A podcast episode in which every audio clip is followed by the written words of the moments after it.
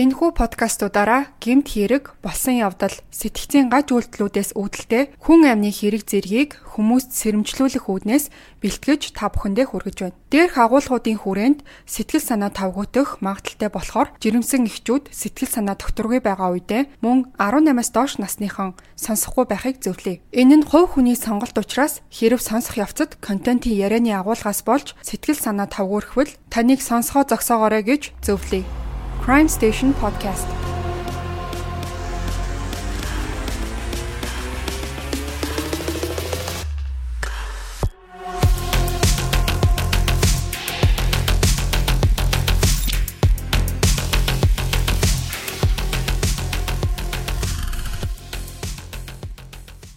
Сайн байцгаана уу сонсогчдоо 6 сарын анхны подкаст та бүхэнд хүрэхэд бэлэн болсон байна. За өнөөдрийн дугаараар Минжаа маань ирээд бас хамтдаа подкаст хийх гээд цаг заваа зарцуулаад мэдээлэл бэлдээд хүрээд ирсэн байна. За энэ дугаарыг бол би бол амар их цухтаад явсан. Тэгээ Минжаа яри яри гисээр агаад айгүй хурдан гүцэгдчихлээ. Нилээн том хэрэг байгаа юу нь бол за тэгээд Минжаа сонсогчтойгоо сайхан мэдчихлээ. Тэ хоёлоо дугаараа эхлэе. За сонсогчдоо сонсож байгаа цаг үеийн мэндийг хүргэе.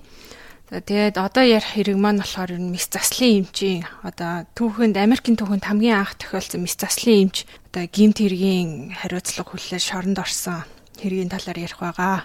Би тэгээ өөрөө мис заслын эмч учраас их сонирхолтой байсан. Тэгээд яриг гэсээр байгаа ярьлаа. За энэ ерөнхийдөө энэ нэлээд том хэрэг болохоор яг хаа мерсэр мэдээлэлээс мэдээлэлэр биш ерөнхийдөө деталь ихтэй ярихгүй бол яг гол зүйлүүд нь алдагдах гадсэн болохоор нэлээд хоёр талаасаа хичээж бэлдсэн байгаа.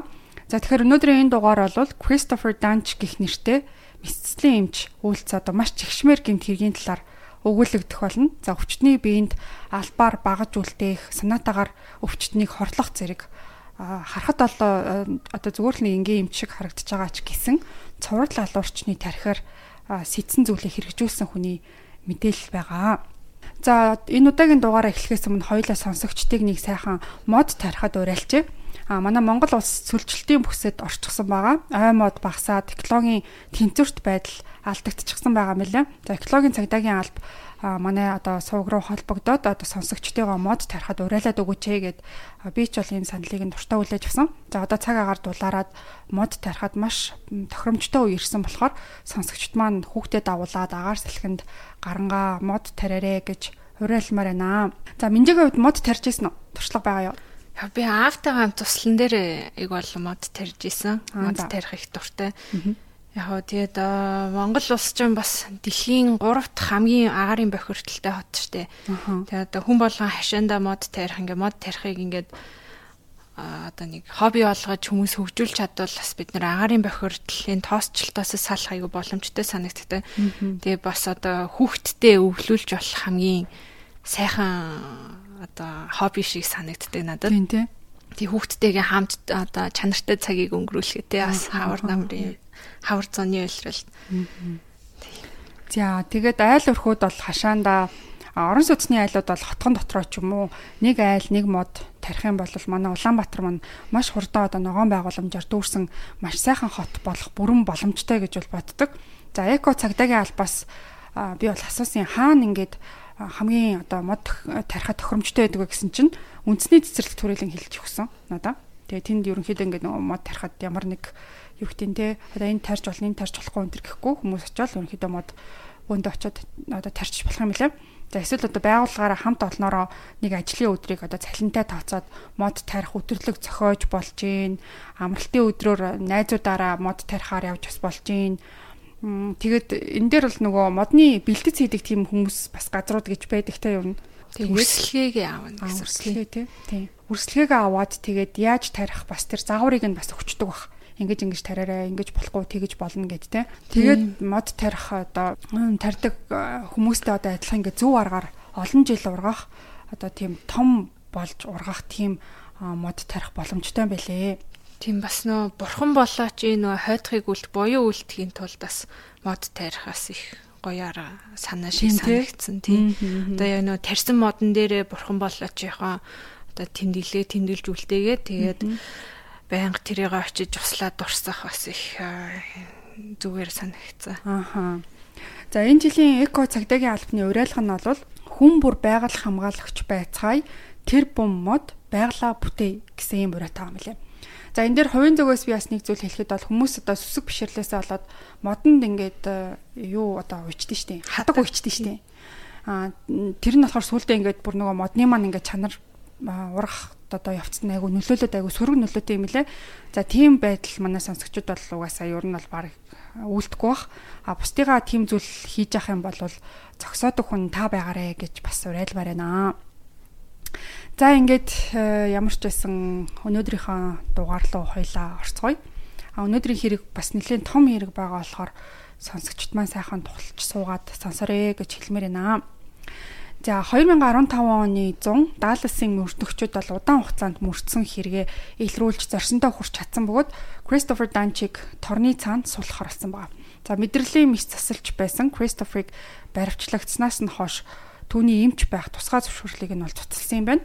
Харахад одоо хүүтэн цэстэй алуурч юм шиг харагдахгүй ч гэсэн 2011 онд өөрийгөө тодорхойлсон имэйл дотроос тэр яалтчгүй бол энгийн нэгэн биш гэдэг нь бол харагддаг. За үүнээс хойш 2 жилийн хугацаанд түүний хяналтанд дэмжлэгээ хийлгэсэн нийт 38 хүний 32-т нь одоо хүнд хэлбэрийн гэмтэл учруулж ихэнх нь саажилттай, хөгжлийн бэрхшээлтэй болж тэрэгэнцэртээр суудаг болсон гэх тийм үзүүлэлтүүд бас байгаа. За үүнээс гадна хоёр өвчтнөө тэр бол санаатайгаар амь насыг нь хөнөөж энэ бүхэн нь илэрсний дараа түүнийг бол доктор Death гэх э, нэрийг бол өгсөн юм байна. Үхлийн эмч гэх нь ч одоо хайшин. Одоо юу гэж энийг энийг одоо юу гэж хэлэх юм бэ? Доктор Death-ыг монголоор одоо үхлийн эмчлэх гэх байх. Одоо тий одоо тэгж хэлэх юм уу? За ямар ч гэсэн үхлийн эмч гээл э, за тэгтээ ер нь бол энэ юугаар нь хэлэхгүй зүгээр Christopher Dunge гэдэг нэрээр нь л явчих. За тэгэхээр энэ хүү Christopher Dunge гэж чухам хэн болох тэр яаж одоо өвчтнүүдээ хохироож олон жил энэ бүхнээс бултаж баригдахгүй явсан талаар эхнээс нь дэлгэрэнгүй яриад өгөө. За Christopher Daniel Dunge 1971 оны 4 сарын 3-нд Монтанад Дональд болон Сүүсэн хоёрын хүү болж мэндэлсэн. Ээж нь сургууль багшилдаг, аав нь харин физик эмчилгээний эмч мөн одоо Христийн шашны итгэгч, номлогч хүн байсан юм. Нилээн тийм шашинлаг гэр бүл төрсэн. За тэдний гэр бүл Кристоферыг одоо баг байхад нь Memphis, Tennessee руу нүүж тэнд баг нас нь өнгөрсөн юм байна. Кристофер тэнд байх Evangelist Христийн шашны сургуулийг төгссөн бөгөөд ахлах ангиасаа Америк хөл бөмбөгийн багт орж түүний амьдралд бол хөл бөмбөг гэтэл маш чухал байр суурийг эзлэх болсон юм. За тэр коллежид элснийхээ дараа ч хөл бөмбөг тоглосон хിവэрээ биеийн хувьд чирэг шөрмөслөг байсан ч гэсэн жингээ улам ихсгэж 100 кг болгочих юм бол Колорадо Стейтийн багт орж холбогч болж тоглоно гэж ярьдаг байсан юм байна. Гэхдээ яг хуу бусад тамирчдыг бодох юм бол нэг их тийм олноос онцгороод тийм гавьяадах тамирчин болж чадаагүй. Ахлах ангаа төгсөөд тэр Миссисипигийн Millsaps College-д элсэж орсон байгаа. За хоёрдугаар курсээсээ тэр сургуулаа сольж Мемфисийн их сургууль руу шилжсэн юм байна. За ингэж шилжсэн болохоор ч тэр бас одоо сайн тоглогч байгаагүй болохоор хөлбөмбөгийн багт бол түүнийг аваагүй. Тиймээс энэ бодлоо бүр орхиж хичээлд идэлхүү анхаарч ялангуяа бол ангаахын чиглэлээр сурахаар шийдсэн байгаа. Энэ дээр бас би нэг юм нэмжлэхэд одоо яг ингээд донч яг ингээ хөл бөмбөгийн тамирчин байхдаа яг ингээ багийнхнаасаа бол ингээд амар хичээж бэлддэг гэсэн одоо яг нөө Rocky гэх кино эдэн штэ ингээл амар хичээгээл амжилтанд хүрдэг. Яг хичээх юм бол болчихно гэл ингээл ер нь амар тийм work ethic айгуусан харуулдаг байсан. Айгуу хичээнгүй байсан. Тэгэл ингээл махраал зүтгээд идэг. Гэхдээ э, яг үндэ бол ингээд э, айгүй их махар зүтгэсэн чинь ингээ үр дүн гарахгүй чадвар чадваргүйгээ ерөөсөө нэг тийм ойлгодгүй айгүй хор шартай хүн байсан. Одоо нэг найз нь ингээл чи нэг сайн барилддаг биштэй гээл нэг уцаар ингээл жоохон хоржоонтой хилцэн чинь гялс гэрийнх нь гадаа машинааргүй ирээл хойло барилдъя гээл тэгдэг ч юм те. Тийм айгүй хор шартай ер нь тийм хүн байсан. Энэ ч бас ингээд одоо дараагийн хэрэгтэй нас айгүй холбогдож байгаа болов уу гэж би дүгнсэн. Аа. Тийм.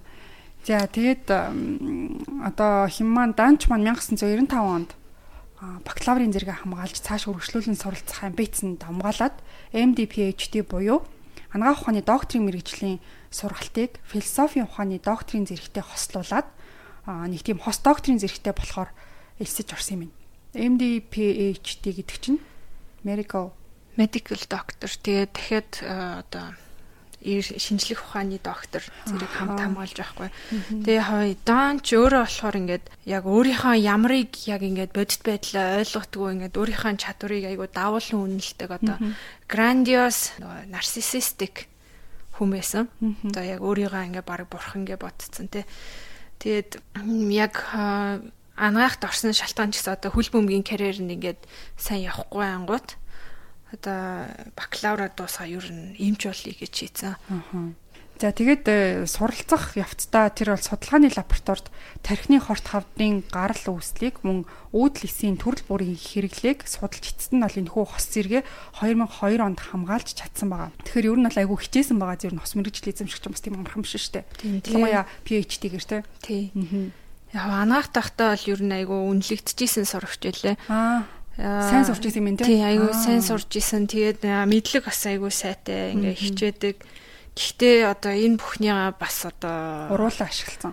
Хар тамхины хэрэг нөлөөтэй хийж хийж чаддаг одоо кокаин хэрглэж ингээд асти одоо сэргийгэж чаддаг ч юм уу те. Ийм нөлөөтэй бас олж авсан зэрэг байлаа. За дараа нь болохоор мэдслийн резидент эмч болохоор Теннисигийн одоо их сургуульд ажилладаг байсан Оросын хоёр эрдэмтэнтэй нэг баг болж ажиллаж эхэлсэн юм. За энэ ажиллаараа тэр нуруу нугасны хүчтэй хүмүүсийг эмчлэхийн тулд үүдэл эсийг ашиглах боломжийг судалж исэн юм. За гуруула нийлж хийсэн судалгааныхаа ажлыг эцэст нь бол патентлж чадсан бөгөөд 2008 онд Discgenics гэдэг компаниг бол үүсгэн байгуулад хөрөнгө оруулалтч босгож чадсан байгаа. Гаднаас нь харахад бол хөл бөмбөг тоглодог байсан ангаахын мэрэгчлээ доктор зэрэгтэй залууч гисэн түүний хамт сурч исэн ангийнхных нь хэлснээр бол тэр архичуудаг, хар тамхич байнга хэргэлдэг, кокаин хэрэглэхээс гадна одоо төрөл бүрийн масууруулах эм бэлтгэл хэрэглэдэг яг э, хартай мэх гэдээ тудалдаж авахгүй тэгсэн одоо ангаахт нөгөө айгүй олон төрлийн бас нөгөө хүний биеийг мансруулах юмнууд гэж байдаг шүү дээ.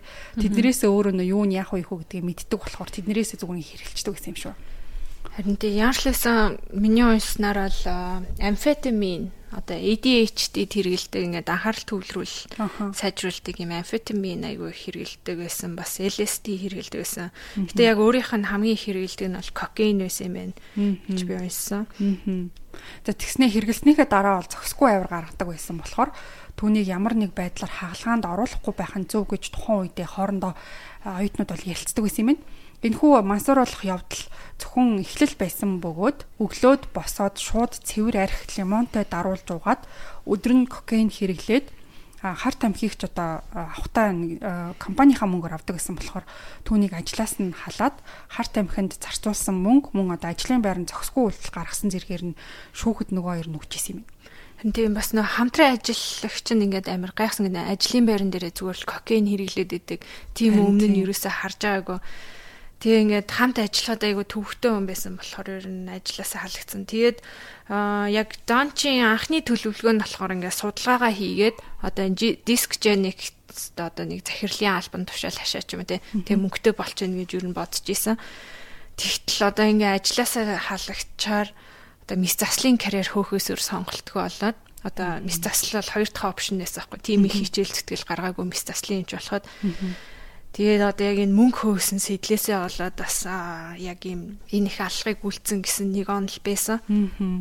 Тийм хамтрагч нь ч гэсэн яг энэ талаараас ярьж исэн юм байна. Яг нэг одоо юу гэдэг юм эцсэл хийх нь амьдралынх нь нэг гол юм биш. Зур гол юм нөгөө мөнгө олох байсан гэдэг.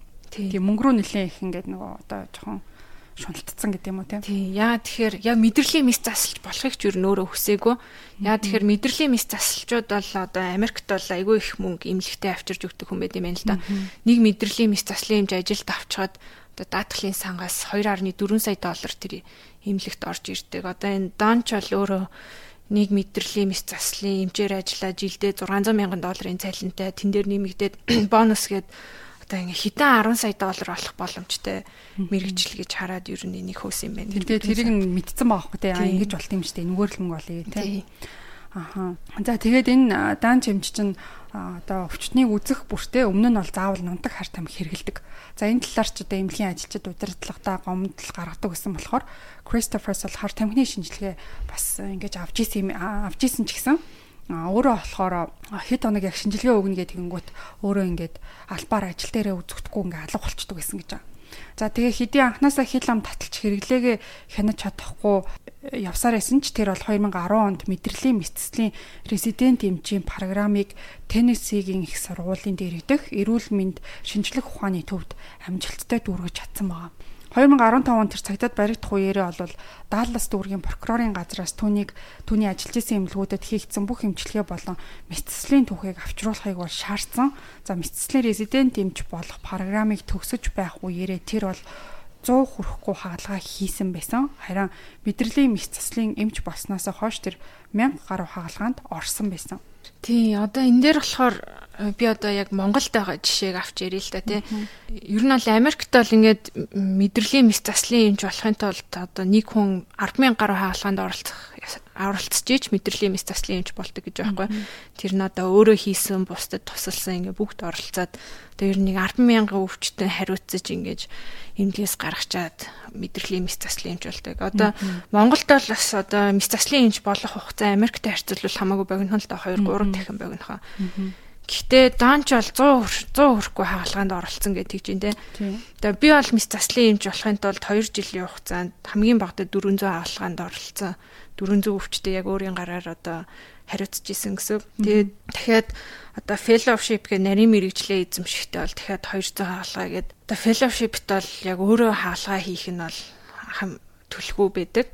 Тэгтэл одоо яг нэг 3 жилийн дотор 600 хаалгаанд ороод ингээд дэмч болж байгаа яг ингээд 100 хүрэхгүй хаалганд орсон хүн гэдэг бол одоо дөнгөж би резидент болоод нэг магтгүй 3 сарын дараа ч юм уу те 100 хүрэхгүй хаалганд орж исэн үе байсан баг. Тэгтэл яг ийм чадвартай хүн ингээ мэдрэлийн мэс засалж болцоо. Ингээ хаалгаа хийн гэдэг бол ер нь алдаа гарахаас өөр сонголтгүй. Тийм бах тийм сонсогдчихсэн тийм. Өөрөө албаар ямар нэг юм хийгээгүй ч гэсэн алдаа гарах магадлал амар өндөртэй гэсэн үг шүү дээ. Тийм. Яагаад гэвэл одоо хаалгаанд орж байхад бол одоо хаалгаанд ингээд хоёр эмч тусалж ордог байхгүй юу? Одоо хоёрдугаар туслах эмч, нэгдүгээр туслах эмч гэж байгаа. Эхлээд ер нь мис заслын резидент болж очисон хоёрдугаар туслах эмчээс эхэлдэг. Одоо ингээд оцоосоор цус гарч ирэл соруулж өгдөг ингээд хагалгааны талбайг ингээд татаж харуулж өгдөг мис заслын эмчээ тийм ажил хийдэг. Тэгээ яг тэндээсээ ингээд одоо магадгүй дахиад нэг 100 200 хаалгаа төхөөд ер нь нэгдүгээр туслах эмчийн позишнд очдог. Тэнгүүт яг одоо хаалгаа хийж байгаа эмчийн одоо хаалгааны тал одоо яг юу хийж явж байгааг ингээд мэдэрч бэлдэж өгдөг ажил хийдэг байхгүй яг нэгдүгээр туслах хэмж бол ер нь өөрөө тэр хаалгааг ингээд хийж чадхаар байж нэгдүгээр туслах хэмж хийж чаддаг. За тэгээд нэгдүгээр туслах хэмжээ аягүй сайн хийж чадчихвэл тэрний дараа одоо attending буюу багш хаалгаа хийдэг юм чинь ингээд таглаа их боломж олгодог одоо хамгийн амархан анатомийн байралтай одоо халаан амархан идэх хаалганаас эхлээд хийлэгдэг. Тэгэд э, ямар ч талаасаа одоо ингээд амар олон хаалгаанд орж туслаад гарын мэдрэмжээ хөгжүүлээдээ ингэж ер нь бол э, хаалгаа хийх хийж чаддаг болдог. Нүгдийн туршлагагүй юм хаалгаа хийж явах явцад ингээд одоо туршлагатай юм чинь хамт байхад бол ингээд ер нь бол алдаа гардаг байхгүй алдаа гарах магадaltaй юм болоод ирэнгүүтэл байлуулцдаг санаалаа зогсоочдаг те. Тэгтэл яг ингээд чадахгүй өндөө ингээд 100% одоо жолоог атгуулчаар бол энэ бол үнэхээр аимшигтай юм болсон нь бол яг энэ доктор тетийн одоо бүх кейсүүд дээр харагдсан юм уу гэж би дүгнсэн. Одоо ямар ч тийм анатомийн ойлголт байхгүй. Тэгээд одоо хүндрэл гарч явах үед ямар арга хэмжээ авах вэ мэдэхгүй байх жишээ нь тий. Тэмүүгт баг нүдэнд боогод хутга байрлалд оруулсан юм шиг л юм. Харин тий нэг хүүхдээр одоо тоглоом тоглуулж байгаа юм шиг тийм. За 2014 онд Мемфист байхдаа тэр Wendy гих 27 настай бүжигчин бүсгүүтэй танилцсан. За энэ бол нөгөө хувийн мэдээлэл нь одоо шууд ороод байна. За тухайн үед Christopher бол 40 настай байсан. Өөрөөсөө 13 насаар дүү юм эмэгтэйтэй анх танилцаад за тэгээ танилцсан газараа жоохон ууж сууж агаад Christopher-ийн гэрлүү бол тэд хамтдаа явсан. За тэр өдрөөс хойш тэд 3 сарын дотор гэхэд хамт амьдарч эхлээд Wendy гэх эмэгтэй бол жирэмсэн болцсон юм. За яг энэ үеэр Christopher ч одоо эд ажил хайж исэн үе нь байсан юм билээ.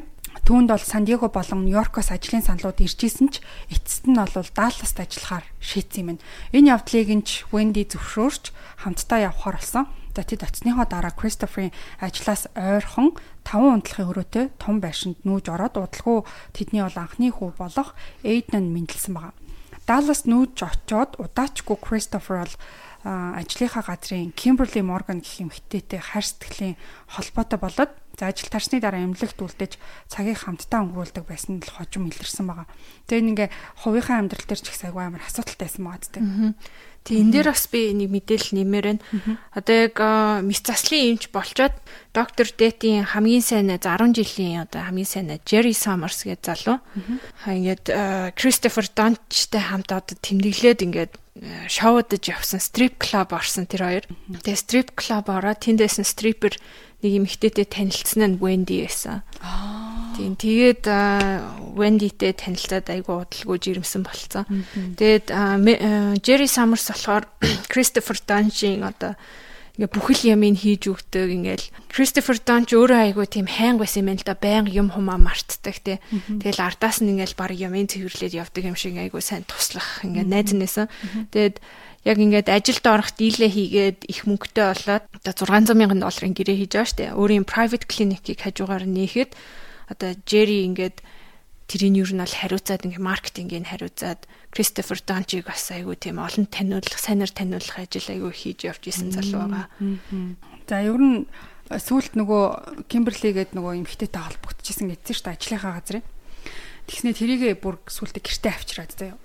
Тэгээ нөгөө Венди чинь хүүхдэд талцсан маа штэ хүүхдийн төрүүлж мөрүүлж өгсөн бахад бүр гэртээ авчирангуудаа энэ зүгээр манай найз тэгснэ нөгөө хинд нөгөө хүүхэндээ оллоор энэ манай хүүхэд биш энэ гэж хүртэл ярьж шүү дээ. Улаан цанд гарсан. Тийм энэ нөхөр нь удахгүй ирэх байгаа энэ гэж хэлж байсан. Тэгээд болохоор нөө яг Wendy дээр болохоор энэ манай зүгээр ажлын маань миний туслах гэж хэлээл. Тий.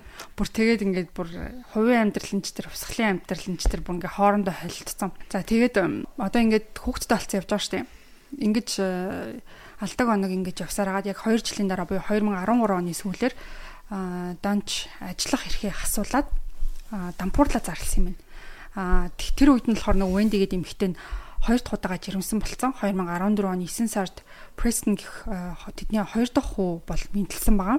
Хүүхэд төрөх үеэр тэд аль хэдийнэ салсан байсан бөгөөд Wendy ихчтэйгээ Texas амьдарч исэн юм билээ. За энэ нэг гэр бүлийнхээ амьдралынхаа хувьд бол нэг иймэрхүү байна.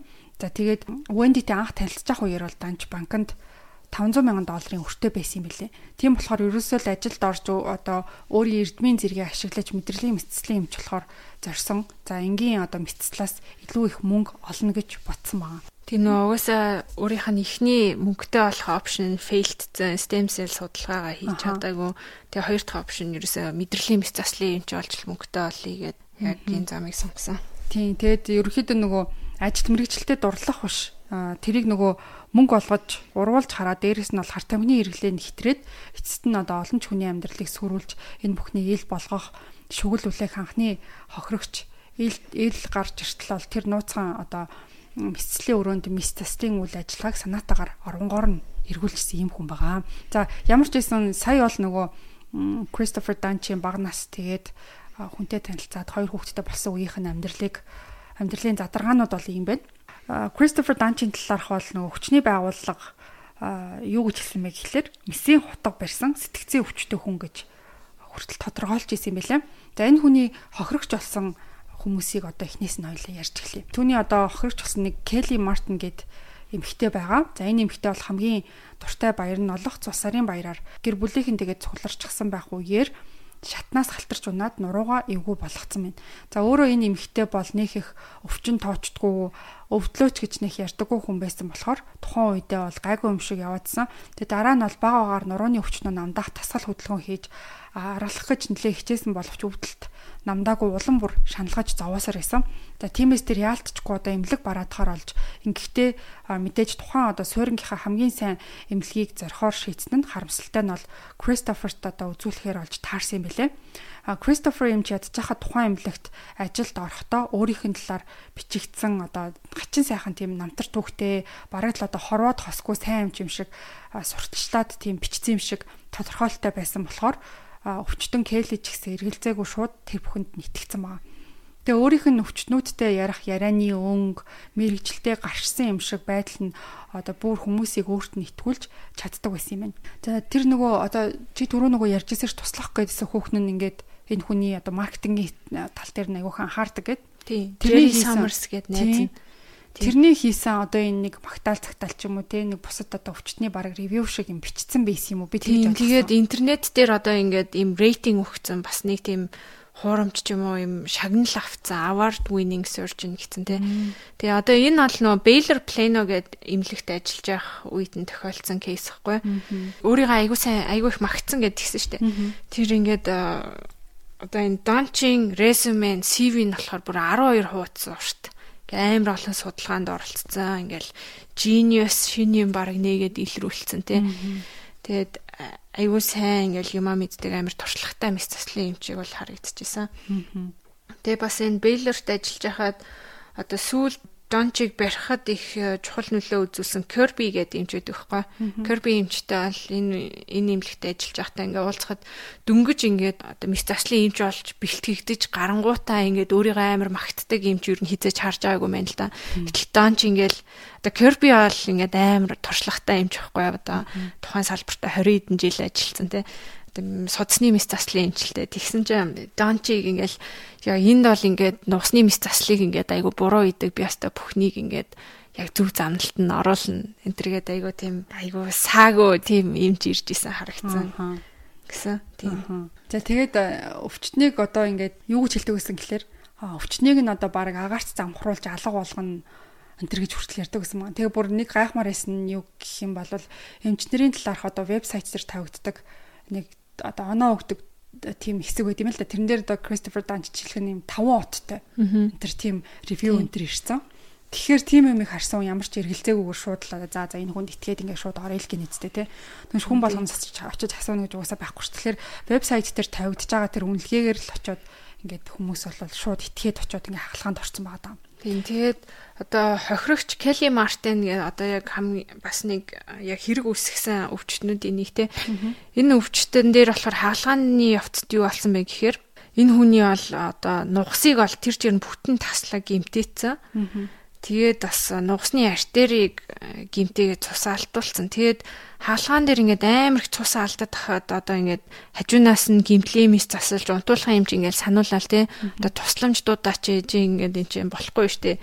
Тэгээд тэгэхэд ингээд зөрүүдлээл ерөөсөө хүлээж авахгүй өөрөө болгох юм шиг ер нь бол баг цус алдуулсан чигээр нь хаагаад ингээд орхицсан.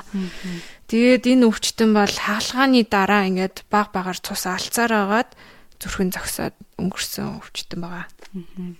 Тэгэд хаалгаанд энэ Келли Мартин орхоос өмнө нэмчээс асуусан юм байна л да. Ерөнхийдөө ингээд ийм төрлийн одоо урдны одоо хийж исэн мис ажилбаруудаас эндэгдэл ч юм уу одоо буруу үр дүн гарсан удаа байгаа юу гэж асууж ирсэн юм байна. Тэгсэн чинь үгүй ерөөсө гарч байгаагүй ер нь бол энгийн байдаг л хагалгаа орж гарч ирэл одоо бүх зүйл зүгээр болно одоо нүдэлт чинь ингээд агаарцсан амхраал алга болчихно энэ гэж хэлсэн байгаа байхгүй.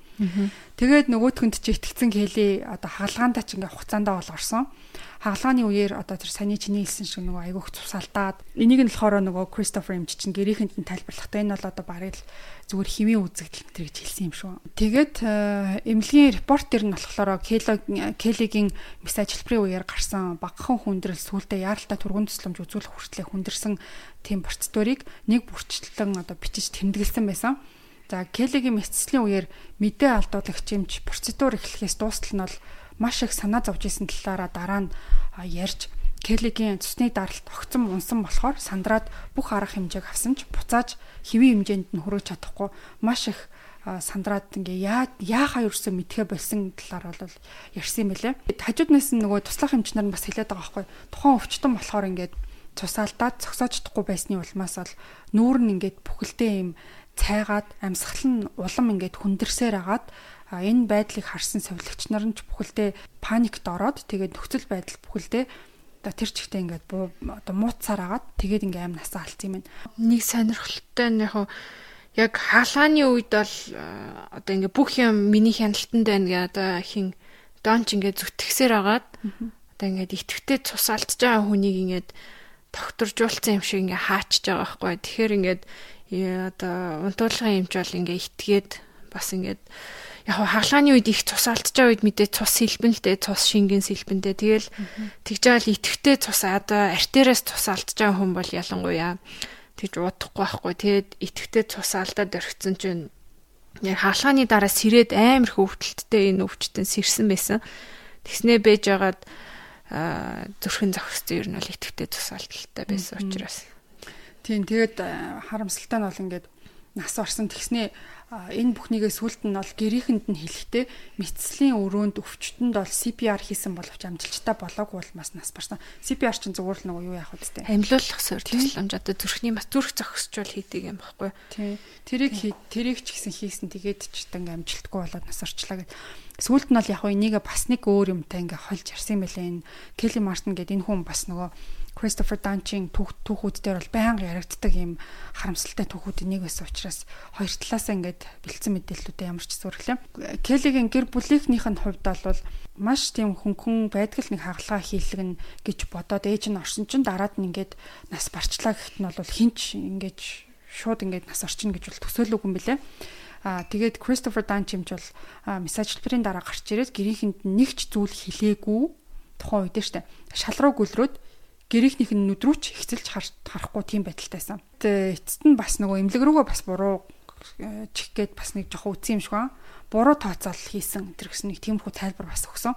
За нугалмын артерийн гэмтэл, нугасны гэмтэл мэдцлийн үеэр багаж болон төхөөрөмжийг буруу байршуулснаас болж цус алдаж эхэлсэн гэх зэрэгээр маш олон тайлбар дараа нь хэлж исэн юм билээ. Тий, энэ нь болохоор одоо нөгөө мэс засал тусалж байгаа хаалгааны цовлогчаа ингээ хаглаа хийж хаад ингээ багж авахд амар тохиромжгүй буруу байрлуулснаас болоод одоо би ингээ жаалтаа гаргасан гэж хэлж байгаа. Эсвэл одоо миний хэлсэн хэлсний дагуу ингээд тусалж чадахгүй байсан те дандаа ингээд хагалгааг ер нь бол нэг хүн хийдгүү багаараа хийдэг хгүй дандаа өөрийнх нь хамт ажилтдаг хүмүүсийн алдаанаас болж энэ алдаа гарсан гэж аюу их тайлбарууд ер нь кейс болгон дээр хэлээд яваадсан. Аа тэгэхээр ингээ янз бүрийн юм яриад яваадсан бааз. Яг өөрөө ингээ албаар хийчээ те. За түүний ажиллажсэн 18 сарын хугацаанд бол эмнэлгийн түүхэнд баг байгаагүй эмнэлгийн эмх замбраагүй байдал бол ингэж үүсч эхэлсэн байгаа. За тэгээ түүний мис ажилбарт оролцсон өвчтөн болгон баг ижил онцтойгоор ижил одоо тайлбартаагаар гимтэх, сумгаа болгох, цаашлаад бүр амь насаа алдах явдал бүгд Christopher Dunn хэмч рүү зааж исэн байгаа. За түрүү хэлжсэн нөгөө 38 өвчтөн эмчлүүлснээс 36 өвчтөн гэмтээд 2 өвчтөн амь насаа алдсан гэд хэлжсэн. За тухайн гэмтэлтэй одоо үлдсэн 36 хүний 20 нь бол маш хүнд хэлбэрийн гэмтэл авчихсан. Мэдээж ийм их хүн сэтгэл санаа цаашдын амьдрал яригцсан одоо маш хэцүү нөхцөл байдлын талаар эмнэлэг даяараа ялангуяа бол мэдрэлийн тасгийнхын дунд ийм харгас хүн зориудаар хүнийг хорлоод байгаа нь яавч уучлж болохооргүй асуудал байсан байна энэ нас оролтын дараа юу байсан бэха? Baylor Plano drug test хийгээд тэгээ ер нь бол drug test-тэй failдсан юм байлээ. Кокаин хэрэгэлсэн гэж илэрсэн. Тэгээд Baylor Plano гэж имлэг одоо хамгийн муухай нь одоо ингээд айгүй олон өвчтэй хохироогод байгаа энэ өвч ийм ийм одоо иймч байх юм бол Америкт бол нөө ийм National Practitioner Data Bank гэж байд юм байна л та одоо эмчнэрийн одоо ийм ур чадварыг ямар нэг алдаа гаргаж исэн хэсэг ингээ бүгдээрээ бэж идэг. Тэр тэнд юусоо мэдээллээгүй, тэнд юусоо оруулаагүй. Тэгээд одоо одоо манайхаар бол мэрэгчлийн хяналттай мэдэгдээгүй. Энэ хүн амар олон алдаа гаргаад ийн гэдгийг мэдэгдээгүй зүгээр энэ хүн биднийг шүүхт өгч магтгүй ингээ өвчтнүүд нь бас ингээ бөөн зарга боллоо бид нэр амирх мөнгөний хохирол амсч магтгүй гэд. Тэрнээс айснасаа болоо ер нь дончиг зүгээр ажиллаас ингээд resign хий гэж одоо нэг захиа бичээд та одоо ажил ажлаас гарах үргэлтлээ өгөө. Тэгээ таны ингээ зүгээр явуулаа гэсэн чинь донч болохоор хариуд нь одоо ийм дийл хийсэн байгаа байхгүй. Одоо намайг ингээ энд ямар ч алдаа гаргаагүй ингээ зүгээр ажиллаж исэн гэсэн тийм recommendation letter бичиж өгөө. Тэгэх юм бол би ингээ зүгээр ажилласаа гараа явлаа ямар ч хүүх мөх болохгүйгээр гээд тэг ингээд данчиг бол ер нь зүг зүгээр ажиллаж байгаа л өөрийн хүсэл дээр ажиллаас гарсан юм шиг болгоо явуулсан.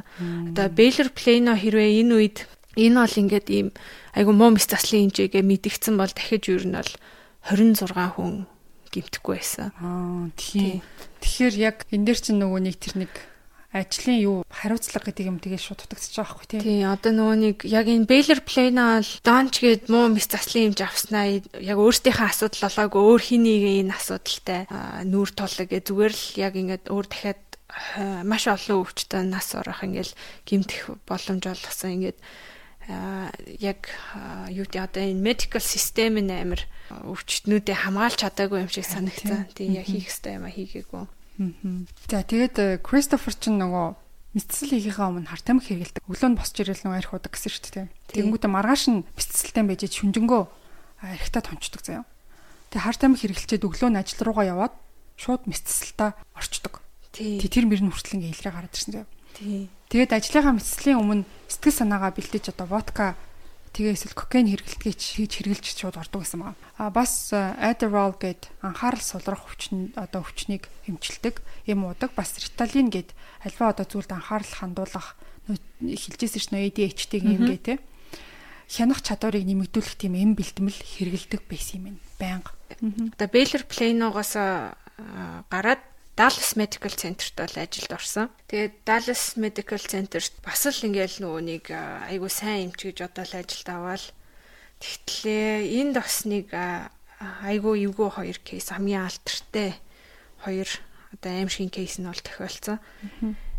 Энд дээр болохоор Mary Efford, Floella Brown гэж хоёр өвчтөе яг 2 өдөр дараалж мис засалд орсон хоёр хүн байгаа. Floella Brown-ы хаалгаанд эхэлж ороод тэгтлээ одоо Floella Brown-ы хаалгаан дээр дахиад нугламын артерийг гимтээгээд амар их цус алдуулаад тэгснээ цус алдалтаа зогсоох гээд одоо цус цус тогтоодог ингээ гэл гэдэг байхгүй. Одоо ийм жижиг хэмжээний ингээд хялгсан судснаас цус алдж байгаа тохиолдолд ингээ дээрээс нь тэр гелийг тавьчаар тэр суцыг ингээ битүүлээ цус алдалтыг тогтоочдаг. Тэгтэл одоо нугламны артер хэрэг гимцэн тохиолдол тэр суцыг буцааж заалахаас нааш бол тэр цус алдалт зогсохгүй. Тий. Тэгтэл ингээ тэр цус алдалтыг зогсоохын тулд маш их хэмжээний гел хийгээ тэр гел нь өөрөө нугсаа дараад тэр хүнийг ингээ саажуулсан байгаа би яг энэ гээлийг чамаас асуу гэж бодсохгүй. Тий. Гээл хийдэг хэрэг би бүр гайхаад. Тийм. Тэгээд бас тэр нөгөө нэг цус алтал зогсоодог юм аа ингээд одоо тэр чинь артерийн судсан дээр ингээд амар их шахчихж байгаа шүү дээ. Артерийн судас руугаа өөрөө тэр тэр нь ороод явсараа одоо харвалт үүсгээ. Тэгээд энэ Floella Brown бол нас орсон өвчтөө. Тийм. Тэгээд яг ингээд Floella Brown-ыг хагалгаанд ороод ингээд хагалгаа амар амжилтгүй болцсон. Тэгтэл ингээд яг дараагийн хагалгаа маргааш нь ингээд хагалгааны дараа амар unstable биеийн байдал нь аягүй хүнд байхад маргааш нь Mary Efford гэдэг эмэгтэй бас хаалгаан төлөвлөгдсөн байсан. Хүмүүс ингээл одоо юу асан юм чи энэ өвчтөн нэм хүнд байгаа юм чи энэ хаалгааг хойшлуулах байлгүй гэж бодсон чинь Гэхдээ зүгээр л үргэлжлүүлж ороод Mary Effort-ийн хаалгааг бас амар хийгээд тэг ингээ хоёр хүн хоёр өдөр дарааллуулаад өхлийн ирмэг дээр аваад ирсэн. Тэгээ нэг нь бол хэсэг байж харуултын дараа нас орсон. Тэгээд энэ дээр Mary Effort-ийн хаалгааны дараа болохоор хаалгааг нь одоо нөгөө revision буюу давтаа хаалгааг нь нэг туршлагатай Henderson гэж энэ ирж орсон. Тэгээ Henderson эмч бол ингээ Mary Effort дээр хаалгаа хийж байхдаа ингээ харсан чи бүр ингээ амар гайхсан байгаа байхгүй. Энэ одоо ямар ч хизээч хагалгаа хийж үзээгүй те. Ингээд мис заслын эмч биш. Зүгээр л нэг хүүхдэд ингээл хутга бариулаад мэ тоглол гэд өгсөн юм шиг юм хийцэн байна гэсэн дүгнэлт өгсөн. Яа тэгэхээр Mary Effort дээр болохоор одоо а одоо ингээд диск одоо дискний түлхэлтэй жа дискийг аваад ингээд spinal fusion ингээ хагалгаа хийчихсэн одоо дискийнх нь оронд өөр ийм диск хийдэг. Тэгээ ингээд э, шүрүүпээр ингээд бэхлээ тогтоо тэр одоо хоёр нугалмын хөдөлгөөнгөө олгодог хаалгаа байхгүй. Тим хаалгаа хийх ёстой байсан чинь ингээд э, нээснээ мэдрэлийн язарыг нэгтлийн яг ингээд э, мицасл хийгдэх ёстой нугалам дээрээ биш. Шал өөр газар нээснээ нэгтлийн мэдрэлийн язарын тэр чигээр нь тариад тавцаан. Тэгснээ ингээд булчин руу нь баг тенсний бөмбөг шиг ингээд том нүх өрөмдөөд Тэг ингээд үлдээсэн. Тэгснээ ингээд хөдөлж байгаа бүр ингээ шүрүүп мөрөп үлдээсэн. Одоо шүрүүпи чи ингээ ясанд ингээ бэхлээд хөдөлгөөнгөө. Болох ёстой шүү. Тэгтэл ингээд бүр яг хагалгаанд хий гэсэн юм аюу чи хийгүү зүгээр л ингээл баахан гимтэл очруулаад гимтэл очруулаад зүгээр ингээл албаар ингийн ингийн гिचиг тэгээд тэгээд хайцсан байсан. Тэгээд Henderson нэмж одоо энэ Dallas Medical Center дээр Henderson нэмж өмнөх Baylor Plano дээр ингээд анзарч исэн. Нөө тий Kirby нэмж хоёр ингээд хоорондоо холбогдоод ер нь бол яг дон чимчийг буулгаж авъя гэсэн сэдэлтэй яг medical board-д бол мэдэгдээд яг энэ хоёрын хүчээр бол дончийг барьж авсан байгаа. Тэрнээс бол бас яг буруутахад айгүй хэцүү байсан. Аа. Тийм. За би болохоор одоо хохирогч болсон одоо нилээн тийм докюментари дээр орсон байсан тийм таван хохирогчийн кейсийг одоо ярин заяа. Тэгээ энэ дондор хараа минжээ юу яараа. Аа миний ингээд тайлбарлаж чадахгүй байгаа эсвэл хам бас сайн тайлбарлаад өгөрэй за. За би ингээд болж өгөх юм бол ингээд нэлээд товчхон товчхон дуртай явчих. За эхний хохирогч нь болохоор эхний гэжтэй одоо энэ олон хохирчдын дундх нэг нь болохоор Jeff Cheney гэх эрэгтэй байгаа. Мөрнийхэн завөр өвдөлт болохоор гарлуугаа ороод дан чимжтэй уулзаад за энэ бүхнээ хэлэхэд бол маш өөртөө ихтэйгээр мэдцлийн дараа энэ бүх өвдөлт чинь 100% алга болно гэсэн амлалтыг өгсөн байгаа. За ингээ мэдцлийн дараа чиний сэрэд бүх зүйл нэг л биш байгааг бол олж мэдсэн. Биеийнхээ баруун хэсгийг тэр чигт нь хөдөлгөж чадхаа болоод одоо бүр чих өвдөлттэй болсон байгаагаа олж мэдсэн юм. Тэгээ энэ талаараа эмчтэй хэлэхэд бол яагаад ингэж байгааг чи юусоо ойлгохгүй байна. Мэдсэл бол маш амжилттай болсон гэж хариулсан. За энэ мэдслийг эцэст нь хянаж үзэхэд даанч тухайн өвчтний нугасны мэдрэлийг нь гимтээгээд тэгээд баруун тал нь тэр чигтээ мэдээг болцсон юм. Үүнээс гадна бол маш их сүлдэж ядрах, янгин зүвдөх мэдрэмжтэй үлдсэн. Яах ч аргагүй ажилласаа тэр бол э, одоо Жефчини гэх хүн гараад гэртээ өвддөг тийм хэвтрийн өвчтөн болчихсон. За дараагийнхан хүн нь Jacqueline Torrey гэсэн хүн байгаа. Бас л одоо даан жимжээ хөрөгчлсөн хүн.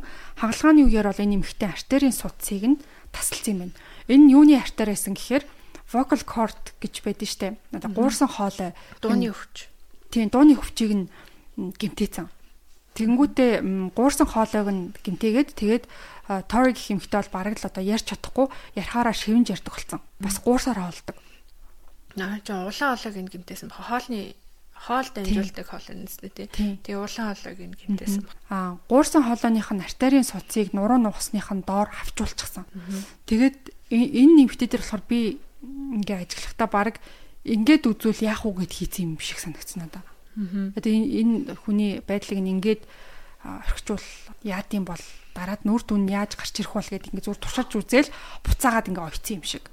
Зүгээр одоо нөгөө мисцлийнх нь үр дүн одоо бүр ингээ гамшиг гэж хэлэхээр тийм амар хэцүү байсан байгаа. Тийм бас яг аль өвчтнийг би сандгүй ингээд зөвөр хүзүүний булчингийн энэ энд хавдар байна гэснээ ингээ булчингийн ухаж авч мавцсан тохиолдол бас байсан. За дараагийн охирогч нь Филип Мейфилд гэсэн байгаа. Бусад өвчтнийг бодох юм бол процедур багтай 45 минутын хагалгаанд орсон байгаа. 20 жил одоо том аврын ачааны трак жолоодсон тийм хүн байгаа. За тэнгисийн цэрэгт аль багч исэн мундаг тийм мэрэгчлэлтэн залуу байсан. За удаан хугацааны суунг ажил хийсэн болохоор даан чимчтэй уулзаж нурууны мис ажилбарт орохоор болсон юм байна. За мэдсэл амжилттай болсон талаар хагалгаа дуусаад даан чимж бол ихнэрт нь хэлсэн. Харин дараа нь ихнэр нь Филиппийг хараад бүх зүйл буруу иргэснийг ер нь бараг л ойлгосон байна. Бие хөдлөж чадахгүй хин нэгний тусламжгүйгээр босч сууж чадахгүй болцсон байсан. Энэ байдлыг ихнэр нь бол сонь сэтгүүлт ч гэсэн мэдэгдээд нэлээд сенсац ингээ үүсгэсэн. Аа тэгээд дараа нь өөр имлэг рүү явхаар шийдээд өөр эмчэд үзүүлэхэд бол бүх зүйл оройтчихсон. За энэ нөгөө өөр үтсэн эмч гэдэг нөгөө гэрби эмч байгаа. Филипп нугасны гэмтэлтэй болчихсон байсан. Ахаад мис засал хийгээд ч одоо та алхаж явах боломжгүй насаараа сунг болсон гэдгийг нь дуулгах гэсэн юм лээ. Харин Филипп хэлэхдээ бол би заавал босох ёстой, амьдрах ёстой амьдрал, өсгөх ёстой гурван хүүтэй хүн гэж өөрөө хэлчихсэн юм лээ. А тэр өөр эмнэлэг дахиад л одоо хідэн цаг урт үргэлжсэн хагалгаанд ороход даан чимч түүний бед одоо юу хийснийг бол маш тодорхой нөгөө дараагийнхын тэр хагалгаа хийсэн юм чинь мэдэж авсан байгаа. Хоёр дахь хагалгаагаар Филипп хэдийгээр арай дээрсэн ч гэсэн хүний тусламжтайгаар алхаж явах чадвартай. Гисэн хэдий ч маш их өвдөлттэй байнга эннээсээ олж ухаан алддаг болсон. Сүүлдээ бүр байдал биштэнгүүт түргэн тусламж дууддаг. Түргэнийх нь ч одоо баг дуудлага өгөнгүүт хаяг асуулгүй хүрээд ирчдэг. Бүр тийм их шаналл донд амьдрах болсон байгаа. За 2021 оны 1 сард Филипп шинэ эмчилгээнд хамрагдаж байх үеэрээ ковид тусаад 2 сард нь харамсалтай нь 50 наснда ингээд амь насаа алдсан юм байна. За дараагийн охрогч нь Marshall Tex Music гэх одоо хүн байгаа. За гүйлтийн ийм тамирчин залуу байгаа. Нурууны дискний асуудалтай болцсон болцсон юм билээ. А за тэгээд рентген зураг авахуулаад даан чимчтэй уулзахад чи 5 жилийн өмнө энэ гэмтлийнхээ дагуу хаалгаанд орох шаардлагатай байсан юм байна. Гэхдээ одоо хаалгаанд орж энэ бүх асуудлаа шийдэх хэрэгтэй гэж хэлсэн юм байна. За тэгээ энэ өвчтөн бол яг хагалгаа ныхаа өдрийг төлөвсний өмнөх өдөр нөгөө амь насаа алдсан Келли Мартин гэдэг эмэгтэй талаарх мэдээллийг олоод уншсан байна.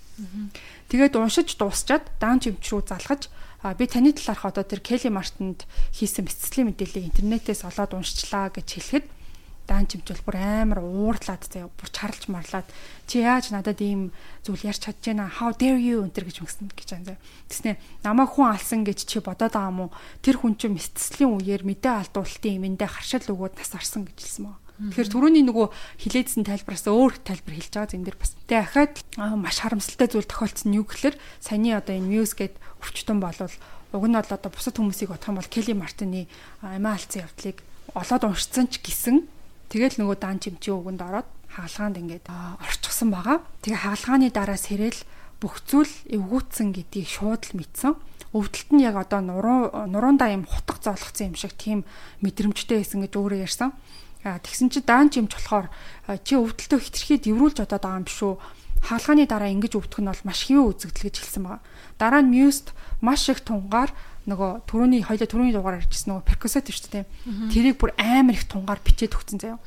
Тэгээ энэ их тунгаар бичиж өгснийг эмийн санч харангуутаа чамд би хоёр удаага энэ имийг бол ийм их тунгаар өгч чадахгүй гэлцсэн ба. Тэгээд амар өвдөж байгаа хүн чинь нөгөө одоо өвдөлт намдаах юм уухгүй бол угаасаа айгүй хэцүү шттэ. Тэгэнгүүтээ тэрийг ингээ уусараагаа сүулдэ донтоод перкусет болон одоо бусад төрлийн өвчин намдах юмнуудаас хамааралтай болоод тэгээ ажиллаач хийж чадахгүй ажилласаа ингээд гараад эхнэр нь ч гэсэн ингээ хаяа явцсан маа. Тэгээ одоо Muse энэ өвчнөөсөө олж өөр эмнэлэг дахиж хяналтанд ороод үзүүлэхэд бол даанч түүний нурууны одоо асуудалтай хэсэгт дискний хэсэгт нь шаардлагатай зүйлийг нь суйрлуулаачгүй тэгээд орхисон байсан гэсэн. Тэгээ нөө чи түрүү хэлчихсэн нөө ингээд дискнийх нь оронд ингээд өөр бас нэг орлуулагч юм хийд юм уу те. Одоо гимтсэн бол гимтсэн дискийг аваад тэгээд ийм химэл диск хийгээ тэгээ ийм хоёр ясын хооронд нь бэхэлдэг хаалгаа хийдэг шиг санагдчихэв. Тийм тэгсэн чинь тэрийг нь ч юусоо хийгээгүй Тэг бараг нээгээд доторхын өнгөчөнгөтэй буцаага хаацсан. Нэг тиймэрхүү үйл явцалсан. Тэгээл нөгөө энэ хүн чинь ингээд айгүй хэцүү байдалд орсон. За дараагийнх нь хүн нь болохоор Jeff Clydewell гэдэг хүн байгаа байхгүй. Миний жоохон задраатай мэдээлэл хэлчихэ. 2004 онд энэ хүн бол мотоцикл унж явж байгаа тосолд ороод нуруундаа гимтэл аваад тэр өвчнөөр шаналж исэн тийм эрэгтэй байгаа. Тэгээ бас л одоо чадварлаг эмч хайж явж байгаад даанч эмчтэй очиж уулзаад хаалгаанд орохоор төлөлсөн юм байна. За тэр өөрөө ярахтаа бол хаалгааны товлсон өдөр болж эмнэлэг рүү явах замдаа хар муур олж харсан болохоор гэж аахгүй энэгүй юм мухар цэсэгтэй хүн байсан байж таарсан. Тэгээд нэг л одоо дотор нэг үүрхэд их нэртэй хилээд буцаад гэрлүүгээ харийг гэхэд их нэр нь бол нөхрөө зоригжуулаад тэгээд тэд эмнэлэг рүүгээ очиж хаалгаанд орохоор болсон. Харин яг Жефиг Жефи хаалгааны өдөр болохоор даан чимч бүр 3 цаг хоцорч утсан юм билэ. Тэгээд энэ хаалгаанд Джеф одоо маш ихтгэлгүй санаа зовнжсэн болохоор цуцлах талаарч их нэртэйгээ ярилцсан байгаа. Гисэн хэдий ч хаалгаа бол болтгоороо болж хідэн цагийн хаалгааны дараа даан чимж Джеффи их нэрт нь хэлэхдээ хагалгааг дундуур нь зогсоохоос өөр аргагууд хүрсэн. Учир нь бол Джеффт хавдрын шинжтэй зүйл ажиглагдсан болохоор гэж тайлбарлсан юм. Тэгээ Джефф одоо мэдцлийн дараа сэрсэн даруйда эмч хаан байна би одоо гар хөлөө хөдөлгөж чадхаа болчихсон байна гэж хэлсэн. Үүнээс гадна Джеф бол олигтойч ярьж чадхаа болцсон байсан баг. Тэгээд дараа нь Джеф өөр эмнэлэгт одоо үзүүлээд хяналтанд орж мэдцлийн үеэрх бүх бичиг баримт түүнд хийгдсэн зүйлсийг олж харсан өөр эмнэлгийн нөгөө эмч хэлэхдээ энэ эмч бас нөгөө тэр Кирби гэдэг эмч байсан. Джеффийн нурууны хагалгааг даанч хийхдээ шал буруу газар нь зүсэлт хийчихсэн Тэрнээс гадна улаан хоолойнд нь бас зоосны хэмжээтэй тийм нөхөөсгээд артерийн судсыг нь тасалчихсан. Тэгээ мэсцлийн үеэр ашиглагддаг спонж буюу одоо хүүн байдаг штэ. Тэр хөвөнгөө дотор нь үлтийгээд огцсон байсан. Тэгээ яагаад үлдээсэн гэхээр цусыг нь тогтоож хөвөн чихээд тэр чихт нь орхиод тэгээ огцсон байгаа. Тэгэж хөвөн хийгээгүй бол одоо Келли Мартин гэх юм хтэй шиг тэгээ цус алцаар агаад хөх аюултай байсан гэж тэгэж үтсэн байгаа. Тий энэ хаалгаа одоо яаж болсон бэ гэхээр одоо Донч бол ингээ 3 имлэгт бол ажиллаж агаад тэг ингээд хэрэгт ороод шоронд орсон хүн баггүй. Энэ болохоор Dallas-аас одоо ингээ хөөгдөд тэгээ дараагийн имлэг дээрээ National Board гэдэг тэгсэн чинь нөө эмчнэрийн мэдээллийг ингээд яадаг тэр мэдээлэл нь ингээ тэр имлэгт ирэхээс өмнө хаалгаа хийцэн. Одоо энэ эмч ийм ийм алдаа гаргаж исэн гэсэн мэдээлэл нь ирэхээс өмнө э, хийцэн хаалгаа. Тэгээд энэ болохоор миний төрөний яриадсан энэ өвчтөн дээр одоо хүзүүний булчингийн хавдар байна гэж авангуудаа инжектор тий. Тэгээд одоо ийм э, хүзүүний зүгээр диск диск авах хаалгаа хийж ийсэн аа.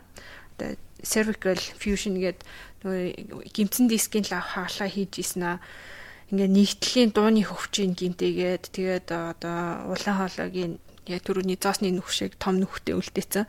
Тэгээ тэрнээс мэдээж одоо юм булчингаас юм том хавдар гэдэг авчаар бол цус цусаалт нь мэдээж тэрийг тогтоох гээд ингээд амар том спонж хийгээд орхисон. Тэрнээсээ болоод Clydewell халдвар аваад septic болоод.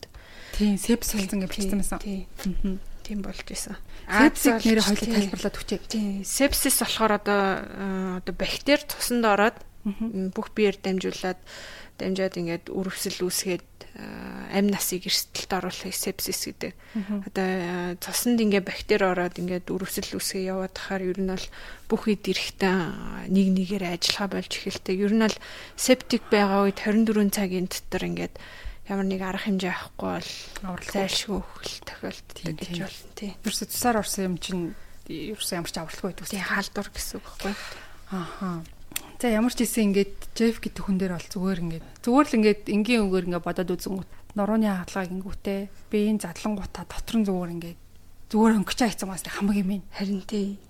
Бүр амар тэнгүүтээ нэг хүмүүс чинь угаасаа нөгөө бүтэн наркост орж орч тийм.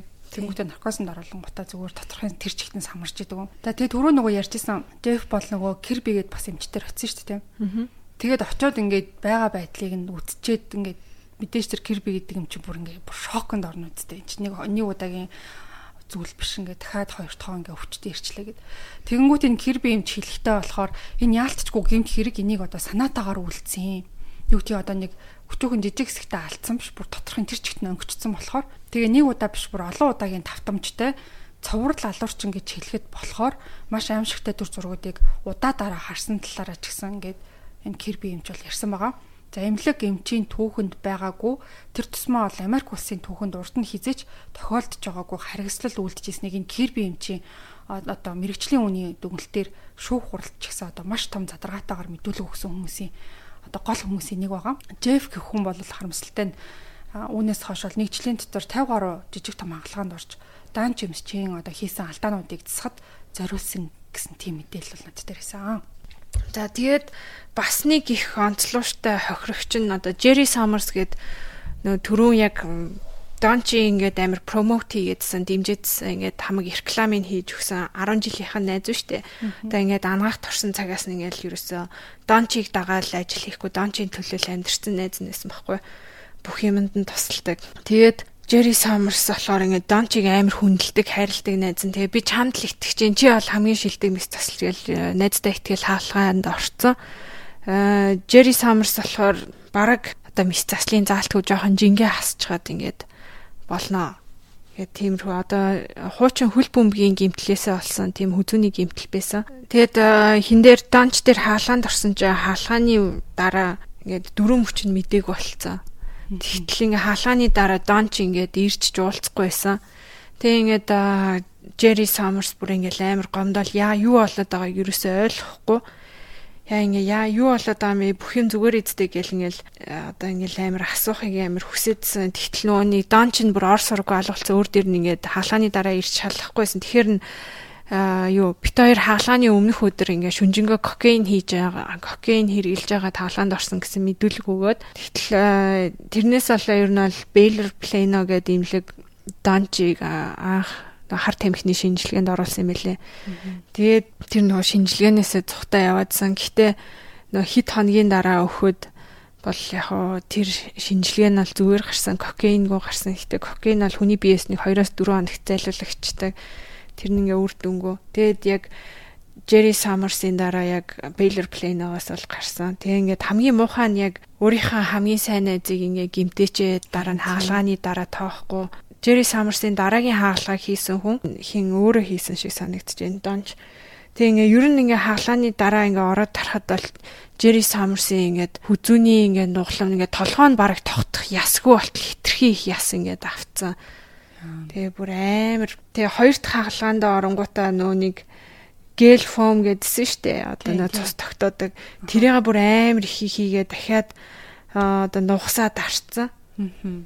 Тийм тийм ингээ хоёр хаалгаан дээр хүртэл ингээд бас амар их алдаа орцсон. Тэгээд Jerry Summers бас хаалгаан дээр баг литр 200 цус алдсан. Аа. Тий. Аха. Энэ тэгвэл энэ нөгөө найз гэдсэн хүнийх нь хаалгаа ч бүр зүгээр сүрлээсэн юм шүү дээ. Аха. Одоо ингээд ерөнхийдөө нөгөө хоёлоо бол хохирогчдын талаар ингээд ярьсан тийм. Тэгэнгүүт одоо нөгөө бас нэлээд их яригддаг нэг одоо X рүүгээ бичсэн нөгөө мэйл гэж байгаа. Тэрийг нь бол цагдаа нар ингээд нөгөө мөрдлөгийн хувц эхэлсэн учраас цагдаа нар тэрийг нь бас ингээд олоод уншсан юм л да. Айгу урт мэйлээсэн. Тэгээ тэрэн дээрээ өөрийгөө бол Эйнштейнтэй бас оо бурхантай зүгэрлж боддог. Тэгээ тэдний хэмжээнд хүрэхээр лагс утгатай юм битснэ нэмээд одоо баха хайрын үг мөх авчулсан байсан. Тэгээ хамгийн амар нь бол сайхан зүйл хийгээд явдаг хүн байха болоод хүүтэн цуст алуурчин болохоор шийдсэн гэдгээ ч гэсэн бичсэн байсан юм лээ.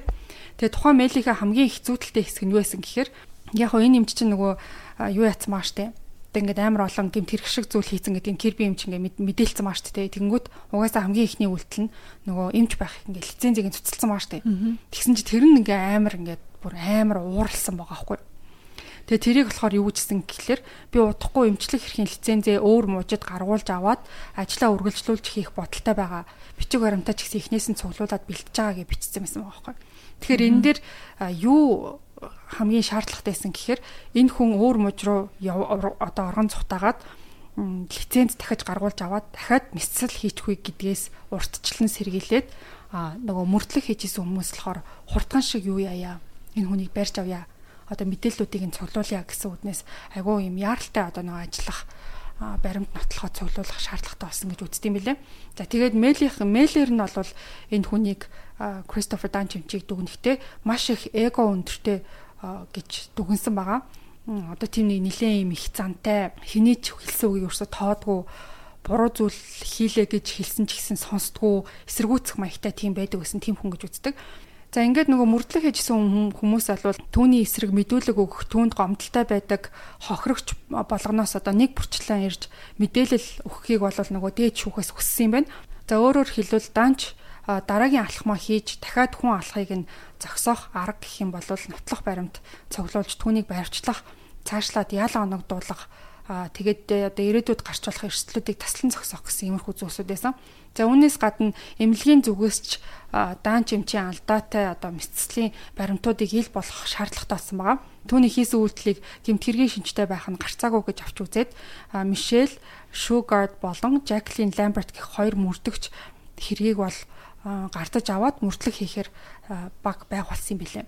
За ингээ мөрдлөгийн хувцад тэд аллагын зэвсгээр халдлага үлдэж хүний бие мах бодит санаатаагаар хүнд гэмтэл учруулсан 5 тохиолдол а энэ дундаа нэг өндөр настай хүн байсан бөгөөд за энэ хүний мэдүүлгийг шууд хүрлэн үеэр оруулах төлөвлөгөө гаргасан юм.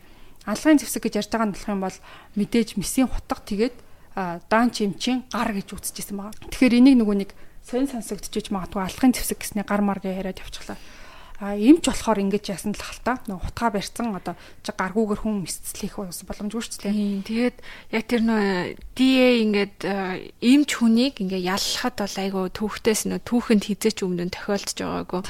Тэгээд яг ингээд нотлохоо цуглуулад а яг юм алуурч ингээд цоллоо яллахад амар төвхтэйсэн бас тэгээд их цаг орж исэн юм лээ. Тэгээд тэрнээс болоод ингээд бас айгүй олон өвчтэй нас орох шалтгаан болсон. Аха. Тэгээ даан чимч чинь болохоор 18 сарын хугацаанд одоо энэ хүү хэрэгүүдээ ингээд үйлдэлсэн маа штэ нэг жил хагас хугацаанд.